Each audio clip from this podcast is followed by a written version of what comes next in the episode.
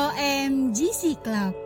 Selamat datang di podcast OMGC, Online Missionary Generation Community. Kali ini kita akan belajar bersama Ovani Aprilian Kurniati Lowry yang akan membagikan tentang kekuatan dalam Tuhan tetap melejit walaupun terjepit. Selamat mendengarkan. Wow, keren banget ya, agak kaget kayak di luar konsep gitu. Oke, terima kasih buat uh, tim OMGC, keren banget. Halo teman-teman semua, senang banget ya akhirnya kita bisa ketemu lagi setelah sekian lama. Halo Kak Rey, halo Kak El semuanya yang nggak bisa disebutin satu persatu.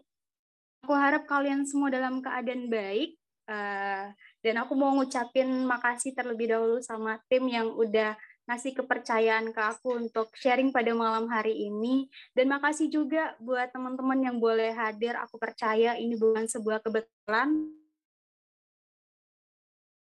Temannya supaya kita boleh dikuatkan lagi. Sama kayak uh, tema kita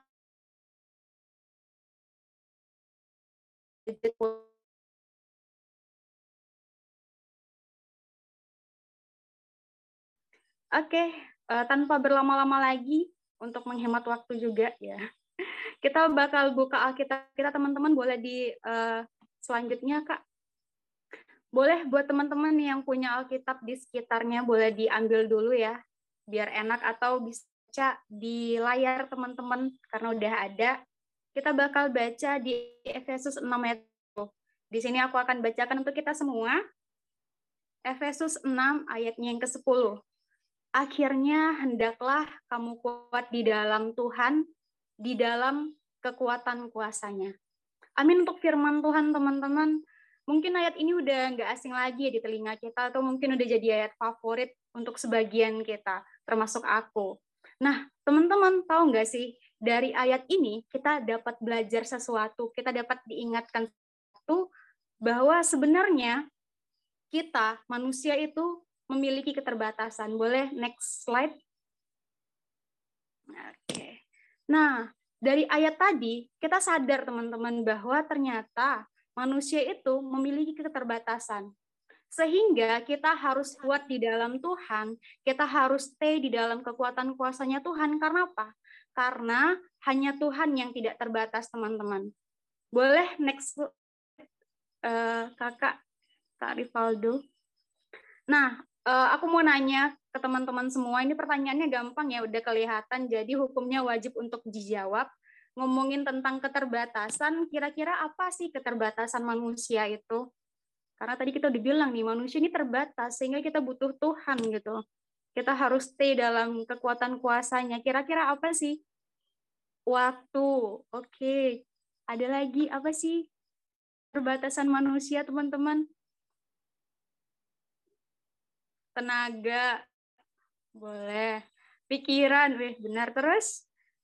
Kita ada 20 orang, ini baru tiga yang jawab. Ini kan hukumnya wajib ya, weh, cinta enggak tuh? Iya, cinta kita terbatas ya, perasaan kita terbatas. Oke, seru juga nanya di sini ya. Oke, ya. Jawaban teman-teman tuh nggak ada yang salah ya. And juga benar. Nggak ada uh, ini bukti ya bahwa kita itu terbatas. Ya waktunya aku terbatas teman-teman. Ini bukti bahwa kita banyak kurangnya di hadapan Tuhan. Aduh, ini udah, udah, udah dilanjutin. Oke, nggak apa-apa deh. Nah, jadi banyak banget, nggak apa-apa kak, lanjut aja. Jadi sebenarnya banyak banget ya keterbatasan kita sebagai manusia. Tapi sesuai tema dan ayat kita pada hari ini, salah keterbatasan manusia yang paling menonjol adalah kekuatannya, teman-teman. Jadi nggak heran waktu kita menghadapi masalah, badai hidup, pergumulan, ada kalanya kita merasa nggak berdaya, ada kalanya kita merasa capek, kita lelah. Dan itu wajar, teman-teman. Karena apa? Karena kita terbatas. Aku nggak tahu seberapa banyak teman-teman yang datang hari ini bawa beban dengan setumpukan masalah yang minta buat diselesaikan. Aku nggak tahu pergumulan apa yang teman-teman sedang hadapi dan mungkin teman-teman ngerasa kok pergumulannya nggak ada habis-habisnya gitu. Mungkin hari ini ada yang lagi kehilangan lagi ada yang kecewa, ada yang lagi capek sama semuanya, ada yang lagi gagal baik dalam hubungannya, dalam pekerjaannya, dalam studinya. Bahkan sampai mikir, apa nyerah aja kali ya? Teman-teman, keadaan-keadaan terjepit seperti ini biasanya membuat kita merasa tertekan ya. Dan ini biasanya iblis pakai teman-teman untuk memunculkan pertanyaan-pertanyaan negatif di dalam pikiran kita. Kita bakal nanya, Tuhan kenapa sih ngizinin ini terjadi dalam hidup kita? Tuhan kenapa izinin air mata kita netes? Kenapa Tuhan izinin uh, semuanya terjadi dan itu berat, kita nggak sanggup. Kenapa Tuhan mengabaikan setiap permohonan kita? Kenapa Tuhan mengabaikan setiap doa-doa kita? Apa Tuhan tidak dengar? Apa Tuhan tidak tahu? Mungkin hari ini kita ngeluh komplain ke Tuhan karena masalah kita nggak kelar-kelar ada aja masalah baru. Mungkin hari ini kita sudah di tahap khawatir dan mulai meragukan Tuhan. Teman-teman aku mau bilang, memang nggak semua dalam hidup terjadi sesuai sama yang kita mau. Nggak semua dalam hidup itu akan terjadi berjalan sesuai dengan apa yang kita harapkan. Tapi tahu nggak sih teman-teman, kalau ternyata segala sesuatu yang terjadi dalam kehidupan kita itu sudah melalui proses persetujuannya Tuhan. Sudah melalui proses ACC-nya dari Tuhan. Yang artinya Tuhan tahu kalau kamu tuh lagi dalam keadaan sulit. Tuhan tahu kalau kamu lagi ada masalah yang berat. Terus kita pasti nanya, terus kenapa Tuhan izinin kalau Tuhan udah tahu gitu? Ya, karena semua ada alasannya. Semua ada maksudnya ini ya teman-teman, aku percaya kita udah pernah naik kendaraan ya. Baik aku dan teman-teman di sini, apa pun itu kendaraannya. Coba teman bayangin, gimana jadinya kalau kita naik kendaraan, tapi remnya tidak berfungsi. Pasti bakal buat kita celaka ya. Dan coba teman-teman bayangin, gimana jadinya kalau Tuhan gak rem setiap hal yang kita mau? Coba bayangin. Ya akan berakibat buruk karena kita tuh nggak benar-benar tahu apa yang kita butuhkan. Kita nggak benar-benar tahu apa yang uh, baik untuk kita. Karena apa? Karena kita terbatas, pikiran kita terbatas, tadi udah disampaikan, kekuatan kita terbatas. Iya, kita jadi hidup seenaknya dan nggak bisa gitu teman-teman. Malah celaka ke kita. Sampai ada quote yang bilang ya teman-teman, Tuhan menghancurkan rencanamu supaya rencanamu tidak menghancurkanmu eh boleh dilanjut slide-nya. Aku asik ngobrol tapi slide-nya nggak jalan. Seri banget. Oh ini udah tadi ya. Oke lanjut kak. Boleh dilanjutkan. Oh belum kak sebelumnya. Mohon maaf. Oke. Oke masih di situ ya. Jadi kalau misalnya kita kalau Tuhan nggak rem apa yang kita mau maka itu akan berakibat buruk. Karena kemauan manusia itu sifatnya daging ya. Dan itu nggak kekal itu fana. Jadi cuma bersifat itu bisa membuat kita jatuh bahkan mati ya. Ya kayak aku bilang tadi sampai ada quote uh, Tuhan menghancurkan rencanamu supaya rencanamu tidak menghancurkanmu. Karena apa teman-teman? Karena Tuhan terlebih tahu rencana apa yang terbaik untuk hidup kita. Tuhan tahu rencana apa yang seharusnya kita butuhkan. Tuhan sudah mempersiapkan segala sesuatunya. Di Yeremia 29 ayat 11 rencana yang Tuhan rencanakan itu adalah damai sejahtera, bukan rencana kecelakaan, teman-teman. Bahkan memberi hari yang penuh dengan harapan.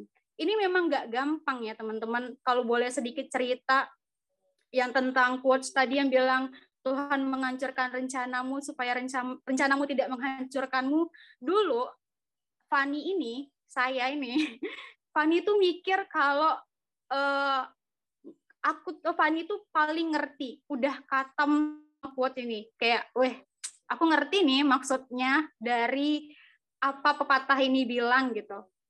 Aku ngerti. Sampai satu ketika aku diperhadapkan sama keadaan di mana Tuhan menghancurkan rencana aku supaya rencanaku tidak menghancurkanku. Awalnya berat teman-teman. Berat pakai banget malah. Karena gimana ya kita udah susun plan kita udah buat rencana sebaik mungkin. Kita e, merasa itu berhasil 99% gitu. Dan pada saat itu uh, aku sudah Fani udah coba uh, susun rencana itu kan.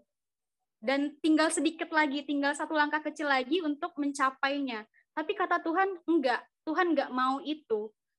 Tuhan enggak tempatkan aku di mana aku mau. Tapi Tuhan tempatkan aku di mana aku butuh.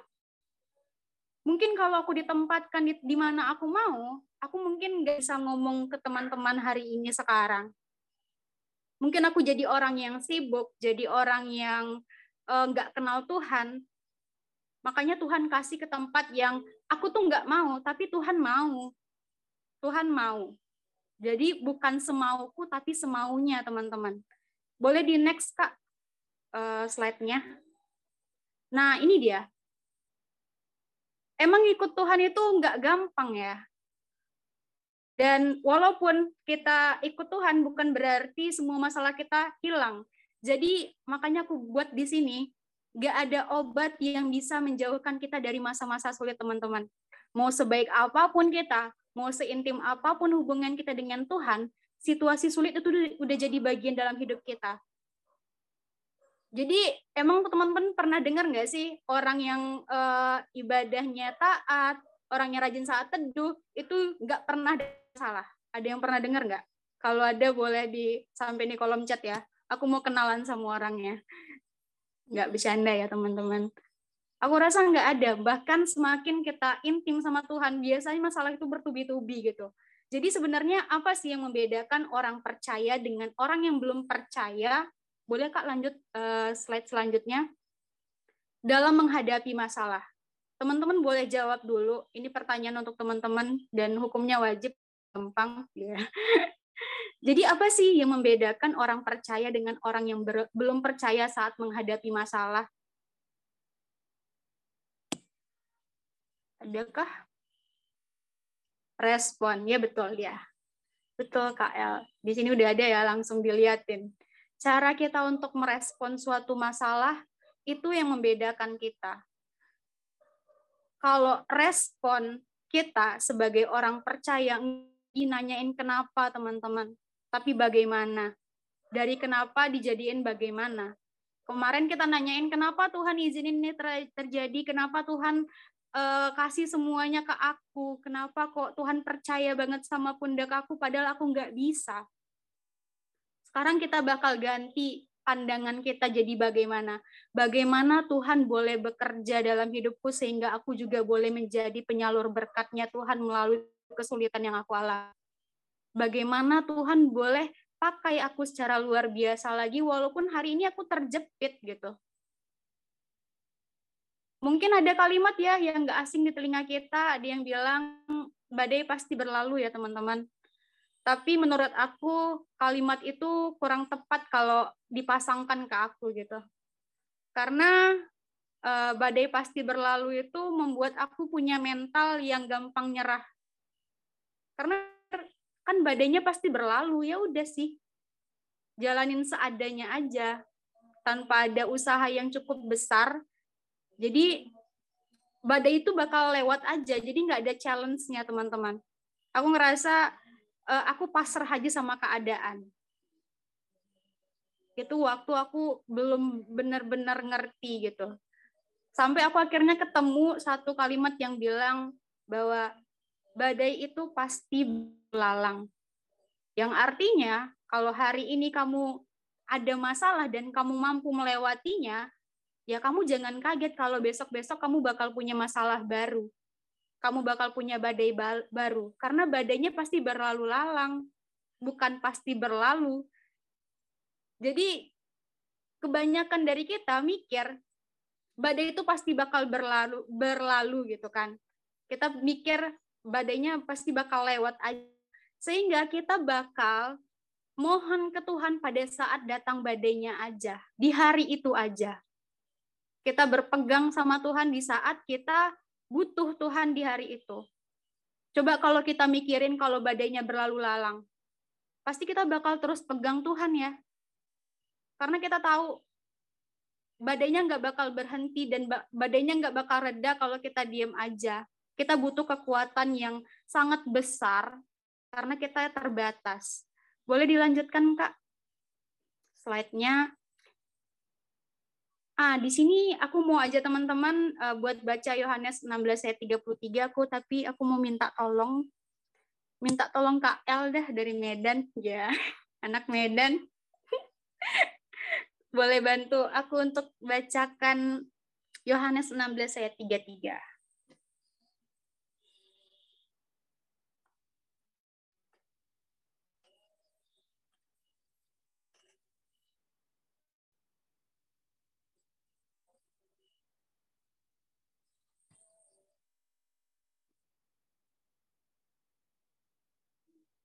Gimana Kak El? Bisa? Oke. Sabar ya teman-teman ya. Sambil teman-teman boleh buka Alkitabnya juga ya. Oke, silakan Kak. Yohanes 16 ayat 33. Demikian firman Tuhan. Semuanya itu kukatakan kepadamu, supaya kamu beroleh damai sejahtera dan aku. Dalam dunia kamu menderita penganiayaan, tetapi kuatkanlah hatimu, aku telah mengalahkan dunia. Amin untuk firman Tuhan. Makasih buat KL. Boleh dilanjutkan slide-nya. Di sini aku mau jelasin sedikit. Teman-teman tadi kita udah dengar dan mungkin udah baca juga ya. Di situ ada ada kalimat yang bilang, dalam dunia kamu menderita pengani, penganiayaan. Ini Yesus yang bilang. Berarti apa? Yesus tahu kalau kita tuh lagi menghadapi sesuatu hal yang sulit karena sebuah dunia yang lagi kita tempat ini itu penuh dengan kejahatan teman-teman, penuh dengan dosa, penuh dengan kebencian dan hal-hal buruk lainnya yang membuat kita semakin lemah. Udahlah kita terbatas, tambah lagi dunia yang jahat, ya makin lemah ya. Tapi ada baiknya. Dia juga berkata, kita dapat menguatkan hati. Kita dapat menguatkan hati, berarti kita punya pengharapan ya teman-teman Kenapa kita bisa peng, punya pengharapan? Karena Tuhan punya jaminannya. Apa jaminan Tuhan di sini? Jaminannya dia sudah mengalahkan dunia, teman-teman. Yesus sudah mengalahkan dunia. Jadi kita harus kuatkan hati kita. Kita punya jaminan. Dunia yang jahat itu udah Tuhan kalahkan. Kita nggak perlu lagi hidup dalam penuh ketakutan, dalam dunia yang menakutkan ini kita masih bisa menjalani hidup yang penuh dan kaya karena mengetahui bahwa pada akhirnya kita akan menang dan itu butuh perjuangan ya. Jangan kayak tadi mikir bahwa badai pasti berlalu, tapi badai pasti berlalu lalang. Jadi kita harus tetap kuat, kita harus tetap berpegang pada Tuhan. Setiap kita itu harus melekat ya sama Tuhan, sebab kayak pokok anggur Tuhan itu adalah pokok anggur kita. Di Yohanes 15 ayat 5 itu bilang teman-teman kalau kita terpisah dari Tuhan, maka kita tidak akan berbuat apa-apa. Sebab itu kita perlu melekat dengan Yesus sebagai sumber kekuatan kita. Jangan menjauh dari Tuhan supaya kita tetap dapat bertahan pada kekuatan kuasanya Tuhan. Makanya tadi di ayat kita yang pertama di Efesus, kita harus tinggal, harus stay dalam kekuatan kuasanya dan kita harus kuat kuat di dalam Tuhan. Dan kekuatan Tuhan itu kita dapatkan di saat kita berdiam diri dalam di dalamnya. Untuk uh, Fani boleh minta tolong uh, siapa ya? Kita mau baca ayat lagi di Yesaya 30 ayat 15 sebelum Fani tunjuk orangnya. Maaf ya main tunjuk-tunjuk. Nggak apa-apa kan? Di Yesaya 30 ayat 15 eh Kak Re deh PIC kita.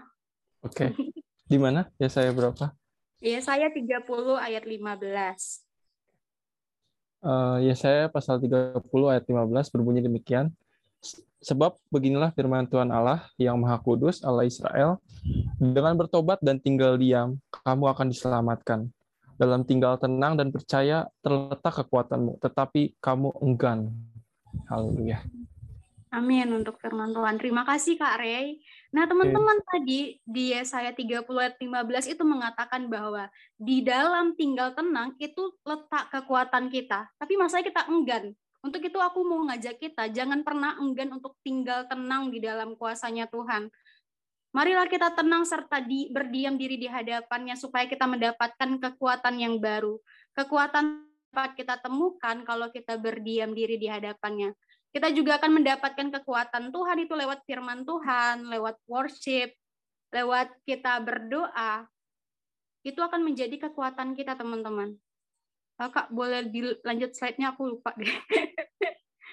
itu apa ya? Uh, Oke. Okay. Ini yang udah kita bahas tadi ya. Yang perlu kita lakukan yaitu tetap melekat pada Yesus. Di Yohanes 15 5. Uh, jangan dulu, Kak. Oke. Nah, teman-teman,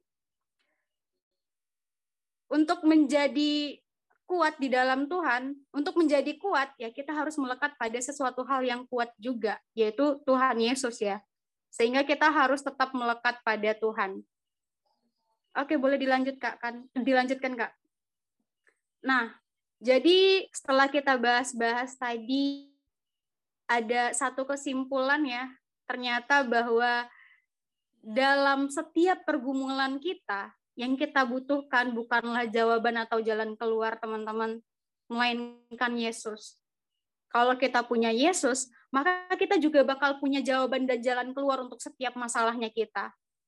Karena kalau Yesus dapat menanggung seluruh dosa kita, kalau Yesus mampu menyelamatkan kita, maka Yesus yang samalah yang akan bantu kita untuk menyelesaikan apa pun masalah kita di hari ini karena cuman dia yang dapat kita andalkan, dia yang nggak terbatas. Di saat kita merasa kita nggak mampu dan kita menyadari bahwa kita butuh pertolongan teman-teman, maka dia adalah pribadi pertama, Yesus adalah pribadi yang pertama yang bakal mengurungkan tangan untuk kita. Jadi jangan pernah mikir kalau yang teman-teman hadapi ini adalah jalan buntu. Aku tahu ini pasti berat, masalah teman-teman itu pasti berat, tapi bukan berarti nggak bisa kalau teman-teman berhenti sekarang, aduh teman-teman, aku mau bilang teman-teman terlalu berharga untuk berhenti hari ini. Aku mau ajak kita untuk baca di 2 Korintus 12 ayat 9.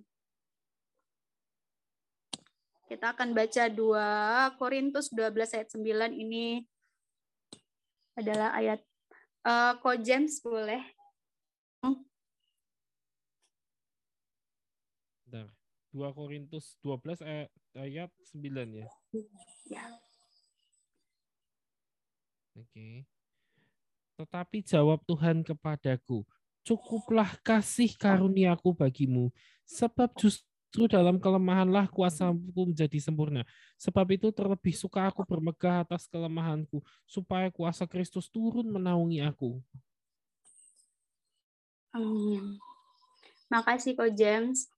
Nah, teman-teman tadi kita udah dengerin firman Tuhan yang sangat bagus ya. Yang akhirnya menyegarkan hati kita lagi, memberi kita pengharapan lagi di 2 Korintus 12 ayat 9. Katanya, cukuplah kasih karunia Tuhan untuk kita. Sebab dalam kelemahanlah kuasa Tuhan itu menjadi sempurna. Di saat kita nggak sanggup, di saat kita nggak mampu, di saat ngerasa udah nggak ada jalan, maka di situ akan maka di situ Tuhan akan buka jalan teman-teman. Di saat kita ngerasa udah Tuhan nggak bisa lagi deh, tapi Tuhan bilang bisa. Tuhan bilang kamu bisa. Kayak ada satu lagu yang bilang eh, lagu lingkupiku tuh ya teman-teman. Katanya di saat badai bergelora, ku akan terbang bersamamu. Dan kita tahu bahwa saat kita nggak bisa lagi, Tuhan yang bawa kita terbang. Tuhan yang akan bantu kita untuk keluar dari masalah-masalah kita. Karena Tuhan itu baik dan setia. Asal apa? Asal kita melekat sama Tuhan. Jadi jangan lari ke tempat lain, teman-teman. Jangan lari ke ke mana-kemana. Jangan cari jalan keluar. Jangan cari jawaban, karena jawabannya ada di Yesus. Jalan keluarnya ada di Yesus. Berlindung pada Yesus. Firman Tuhan katakan di Amsal teman-teman Amsal 4 ayat 20 sampai 22. Di dalam Tuhan disediakan semua yang baik untuk kita. Semua yang baik. Gak ada yang jeleknya tuh teman-teman.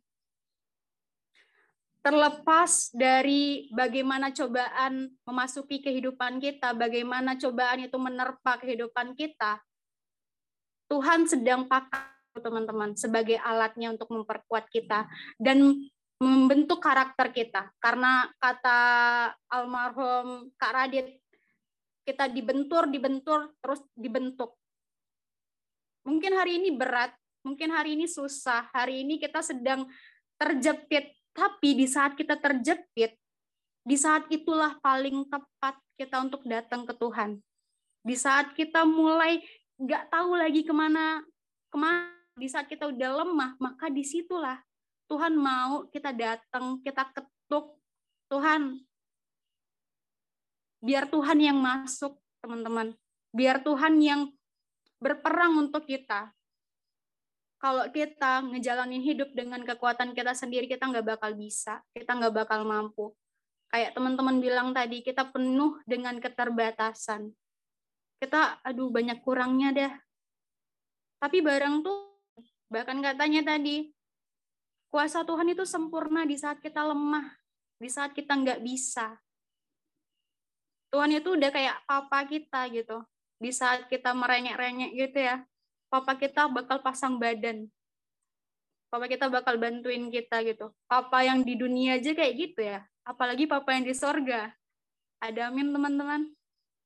Amin ya. Mungkin uh, sangat sulit ya membiarkan masa-masa sulit itu membentuk kita karena banyak kali pemberontak pemberontakan di hati kita.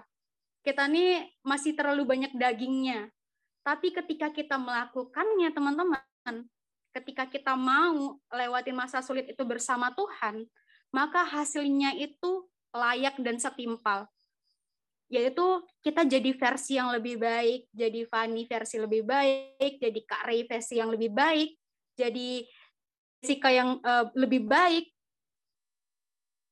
Ya dan untuk semuanya gitu. Kita mungkin uh, kalau dipikir-pikir hidup ini makin lama makin sulit tapi teman-teman pernah mikir nggak sih bahwa ternyata sesulit apa pun ternyata kita bisa lewatin. Dan pengalaman teman-teman di saat melewati masa-masa sulit kemarin itu tolong teman-teman pakai untuk menguatkan teman-teman hari ini.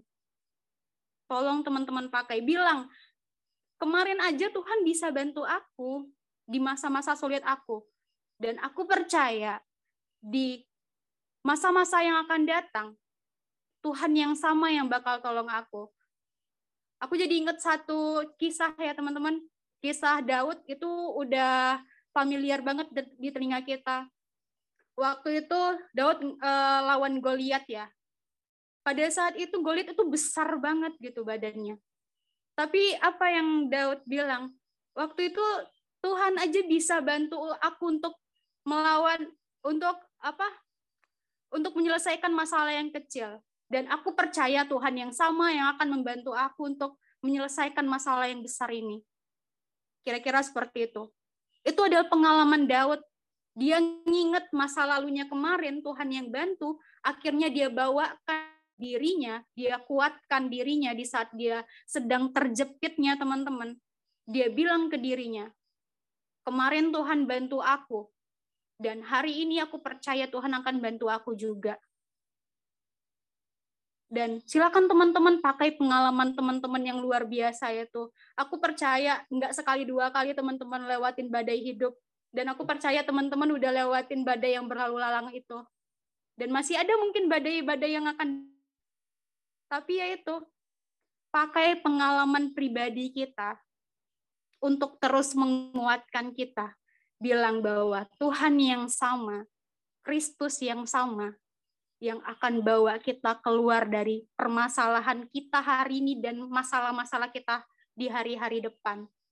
Untuk itu mari terus melekat teman-teman, badai nggak cuma hari ini aja, masih ada badai di hari Senin, Selasa, Rabu, Kamis, setiap hari badai.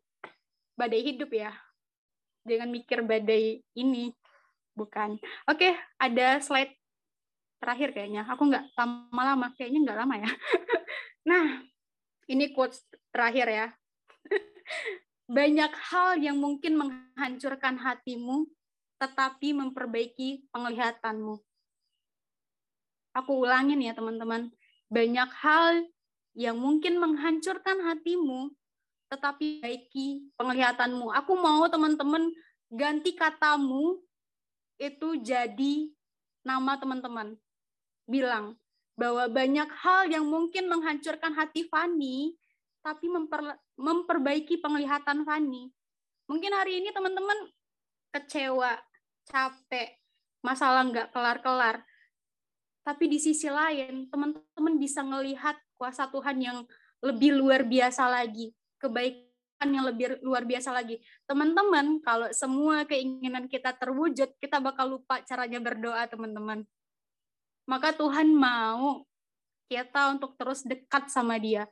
Ya walaupun caranya dengan ini, dengan membuat kita sakit gitu. Tapi sakitnya itu sementara untuk mendapatkan kebahagiaan yang kekal mendapatkan damai sejahtera yang kekal. Contohnya, kalau kita nih, anggap kita lagi jalan tengah kabut, agak kabut-kabut lah. Terus kita mikir di jalan depan itu tuh jalannya lurus aja, bagus-bagus aja.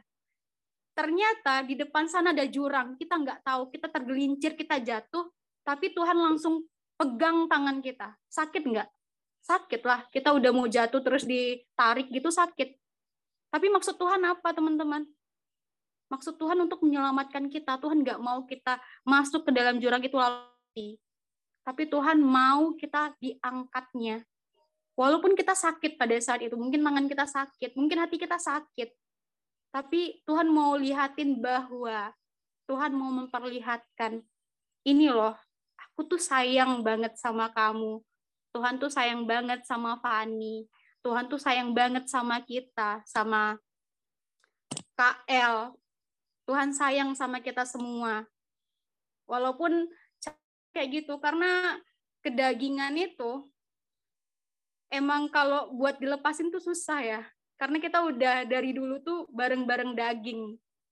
Tapi saat ini Tuhan mau bilang bahwa semua hal yang mungkin nyakitin hati kita hari ini, kita ngerasa sakit, semua itu adalah untuk memperbaiki apa yang salah selama ini di di kita gitu. Oke teman-teman, uh, yes betul mengubah respon kita rencananya Tuhan. Aku mau kita baca satu ayat terakhir untuk menguatkan kita itu di Roma 8 ayat 28 ini ayat favorit semua umat ya kayaknya. Semoga. Atau pada saat ini bisa jadi ayat favorit untuk kita semua ya. Roma 8 ayatnya yang ke-28 aku akan bacakan untuk kita semua. Mari kita sama-sama mendengarkan Roma 8 ayatnya yang ke-28. Kita tahu sekarang bahwa Allah turut bekerja dalam segala sesuatu untuk mendatangkan kebaikan bagi mereka yang mengasihi Dia, yaitu bagi mereka yang terpanggil sesuai dengan rencana Allah rencana Allah ya teman-teman, bukan rencana kita. Jadi sesukanya Tuhan, bukan sesukanya kita. Oke, itu firman Tuhan hari ini uh, yang aku harapkan teman-teman setelah ini bukan masalah teman-teman akan kelar ya. Jangan mikir bahwa oh, setelah sharing hari ini, setelah mungkin nanti ngobrol-ngobrol di breakout room, masalah kita otomatis selesai. Enggak. Tapi kita punya pandangan baru. Kita punya cara baru. Gimana untuk melewati badai yang berlalu lalang itu? Bukan badai pasti berlalu tapi pasti badai pasti berlalu lalang. Gimana kita bisa lewatin setiap badai dalam kita hari lepas hari bulan lepas bulan jadi selesai dari sini mari kita ubah cara pandang kita lagi melihat rencananya Tuhan. Mari kita masuk ke dalam rencananya Tuhan. Bukan Tuhan yang masuk ke dalam rencana kita, teman-teman, tapi kita yang masuk ke dalam rencananya Tuhan. Biar Tuhan yang pakai hidupnya kita untuk kemuliaannya dia. Gitu. Oke, itu firman Tuhan di hari ini. Yuk kita kita berdoa ya untuk menutup firman Tuhan. Mari kita bersatu dalam doa. Bapak yang baik, terima kasih untuk waktu yang baik boleh Tuhan sediakan untuk kami sehingga pada saat ini Tuhan Yesus kami sama-sama merenungkan firman Tuhan di mana pada saat kami terjepit Tuhan boleh bawa kami untuk semakin melejit lagi Tuhan Yesus di saat eh, badai-badai uh, datang dalam kehidupan kami Tuhan yang bawa kami, Tuhan yang tuntun kami, biarlah kami terus melekat di hadapan Tuhan, melekat bersama Tuhan, karena kami tahu Tuhan dengan kekuatan kami, kami tidak akan mampu, karena kami terbatas Bapa. Untuk itu Tuhan Yesus bahwa kami tidak terbatas dengan kekuatan kuasa Tuhan yang luar biasa itu. Kami rindu Tuhan Yesus untuk teman-teman yang mungkin hari ini bergumul, punya masalah beban berat. Mungkin setelah ini masalah mereka tidak langsung selesai, tapi kami percaya mereka punya pandangan untuk menyikapi setiap permasalahan yang ada, untuk menyikapi rencananya Tuhan. Kami percaya Tuhan pakai segala pergumulan mereka untuk sebagai alatnya Tuhan, sehingga mereka boleh semakin dekat, semakin melekat bersama Engkau, semakin Tuhan pakai luar biasa lagi, sehingga mereka boleh bersaksi tentang Engkau Tuhan Yesus melalui apa yang mereka hadapi di hari ini. Tuhan Yesus, kami mau serahkan semuanya ke dalam tangan Tuhan. Biarlah Tuhan firman ini tidak berlalu dengan sia Biarlah firman ini Tuhan Yesus kami tanamkan di hati kami dan boleh merema dalam kehidupan kami Bapa. Kami serahkan Tuhan semua ke dalam tangan Tuhan. Begitu juga dengan tim OMGC Tuhan Yesus, teman-teman di tempat ini kiranya biarlah Tuhan juga pakai lebih lagi. Tuhan pakai mereka dalam melayani Tuhan dan berikanlah hati yang setia, hati yang tulus untuk melayani Engkau Tuhan di mana pun mereka berada.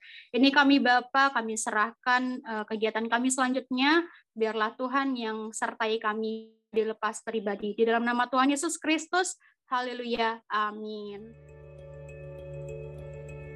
Wah, keren banget ya pembahasan hari ini tentang kekuatan dalam Tuhan tetap melejit walaupun terjepit. Yuk kita belajar untuk memperbaiki pelekatan kita di dalam Tuhan meskipun banyak yang menghancurkan. Kami berharap teman-teman terberkati dengan sharing hari ini. And be bold and persevere to grow in unity. Bye-bye. OMGC. OMGC. OMGC Club. Online Missionary Generation Community.